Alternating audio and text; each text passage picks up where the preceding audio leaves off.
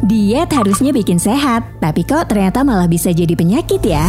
Diet yang berlebihan ternyata bisa berujung penyakit loh Fit Squad. Tahukah kamu jika terlalu ketat menerapkan pola makan clean eating atau makan sehat bisa menyebabkan akhirnya kamu punya obsesi dengan makanan sehat yang disebut ortoreksia. From the get-go, I guess you'd say I grew up in a big body, like I grew up, you know, what people, I guess, typically call overweight. Have you noticed how social media has become increasingly dominated by so called influencers? They're usually young, beautiful, and often impossibly fit, sharing their transformative secrets for a better, longer life. This is me, I guess you'd say that's me at my biggest. That was uh, probably my last year of high school. And that's me, or some years after. People were looking at this, and I had um, people that I knew or people that I didn't know, people that were reaching out to me via the internet telling me that I was um, inspiring and I was, I was a real motivator for them. It's all harmless fun, though, right? Well, not always. Sometimes the health advice dished out in a pithy slogan and apparently proven by a revealing selfie is actually so unhealthy, it's making people sick. Yeah, I just got to this point where I was so focused on health that had I had one meal or one snack or something that would I wouldn't have regularly eaten, I would just have this wave of anxiety that that would um, send me backwards, and I guess you know put the weight back on. Clean eating is increasingly popular, and many companies are apparently taking advantage. But is it really as healthy as some claim it to be? Nah, kali ini Squad Fitness akan memperkenalkan konten baru bernama Squad Fistigate yang akan berfokus pada investigasi kasus kesehatan yang menarik untuk diangkat. Tapi sebelum kita mulai, jangan lupa subscribe dan nyalakan tombol notifikasi Squad Fitness kamu ya.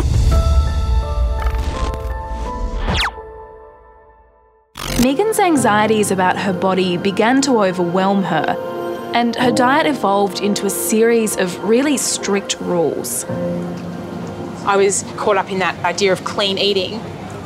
For me, I had made the decision that anything that was processed or in packets was to be completely avoided. It was almost like the actual food on the shelf was talking to me, telling me all of its pros and all of its cons, and then the next thing I would need to go and buy was another voice in my head. Clean eating. Where did it go wrong? Uh, I mean, I suppose the idea of eating more healthily is, is a good one. But the worry is that in people I see, clean eating has become too extreme, too restrictive. And the idea of kind of categorizing foods as either clean or presumably dirty or unclean is an unhelpful one psychologically. Dr. Stephen Bradman, seorang psikiater Amerika adalah orang yang pertama kali menamai istilah gangguan makan ini sebagai ortoreksia. Ortoreksia nervosa atau ortoreksia adalah gangguan makan yang melibatkan obsesi yang tidak sehat dengan makanan sehat. Tidak seperti gangguan makan lainnya, kebanyakan kasus ortoreksia berfokus pada kualitas makanan, bukan kuantitasnya. Berbeda dengan pengidap anoreksia atau bulimia, pengidap ortoreksia jarang berfokus pada penurunan berat badan. Melainkan mereka memiliki obsesi yang ekstrim dengan kemurnian makanan mereka dan terhadap manfaat makan sehat. Nah, apa yang bisa menyebabkan terjadinya ortoreksia? Ortoreksia merupakan fokus hidup sehat yang terlalu ekstrim dengan melakukan diet sehat melebihi tingkat kewajaran. Tujuan seseorang dalam mengkonsumsi makanan sehat umumnya sangat baik, namun pada beberapa orang dapat berkembang menjadi ortoreksia karena cenderung sifat obsesif kompulsifnya. And yet you were affected by something called orthorexia. Yeah, that's right. Um, I What did it mean to you? For me, I guess it was uh, an obsession with trying to be perfect, and it was, especially as an athlete, you're looking for best diet, something that could really make that sort of everyone talks about these marginal gains.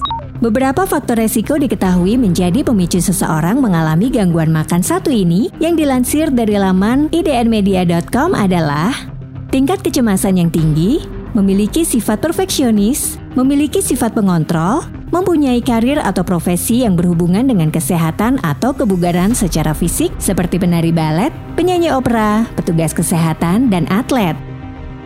um, people are veering away from um, eating a healthy diet towards extreme clean eating because they are either a conscious consumer and they want to make specific decisions based on um, animal welfare, or they have become obsessive about what they're taking into their bodies.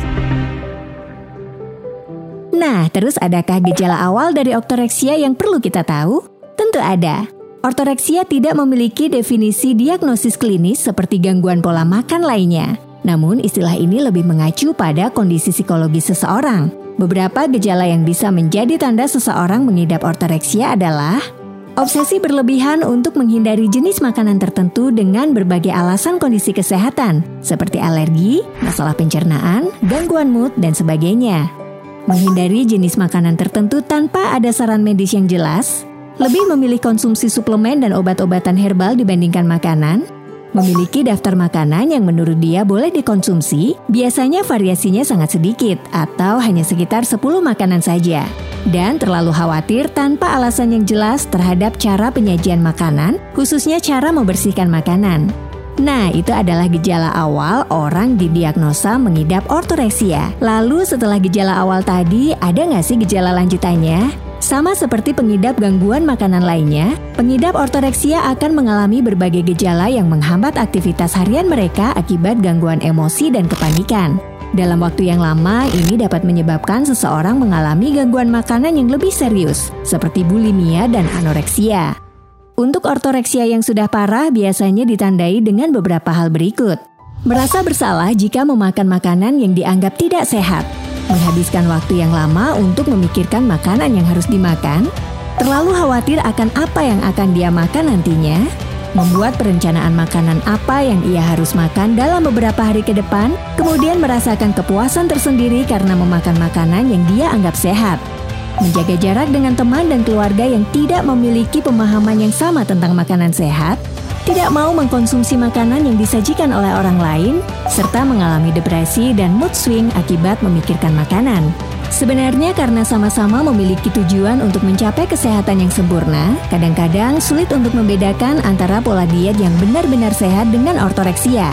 Membedakan antara ortoreksia dengan kebiasaan atau pola makanan sehat biasa memang sedikit sulit, namun tetap ada perbedaan yang terlihat jelas. Pertama, khawatir atau takut jatuh sakit. Namun pada kasus ortoreksia, penderitanya akan memiliki kekhawatiran dan ketakutan ini begitu konstan.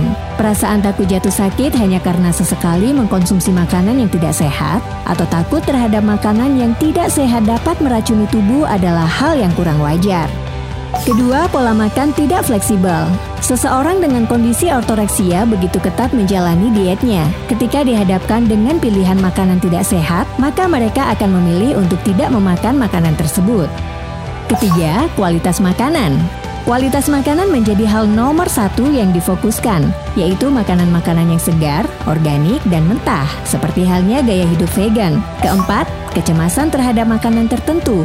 Ketika dihadapkan dengan makanan-makanan terlarang bagi mereka, para penderita ortoreksia akan teramat intens dan tidak nyaman. Hal ini dapat memicu depresi karena kekhawatiran berlebihan terhadap pilihan makanan yang dianggap penderita ortoreksia tidak sehat.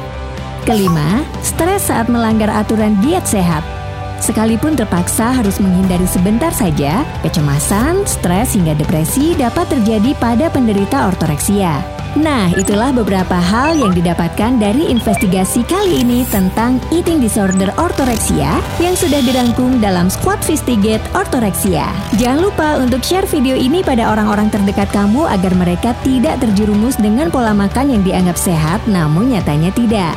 Get fit right, get fit now, get fit right now. Jangan lupa untuk like, subscribe, dan nyalakan tombol notifikasi Squad Fitness kamu. Follow juga semua akun sosial media Squad Fitness.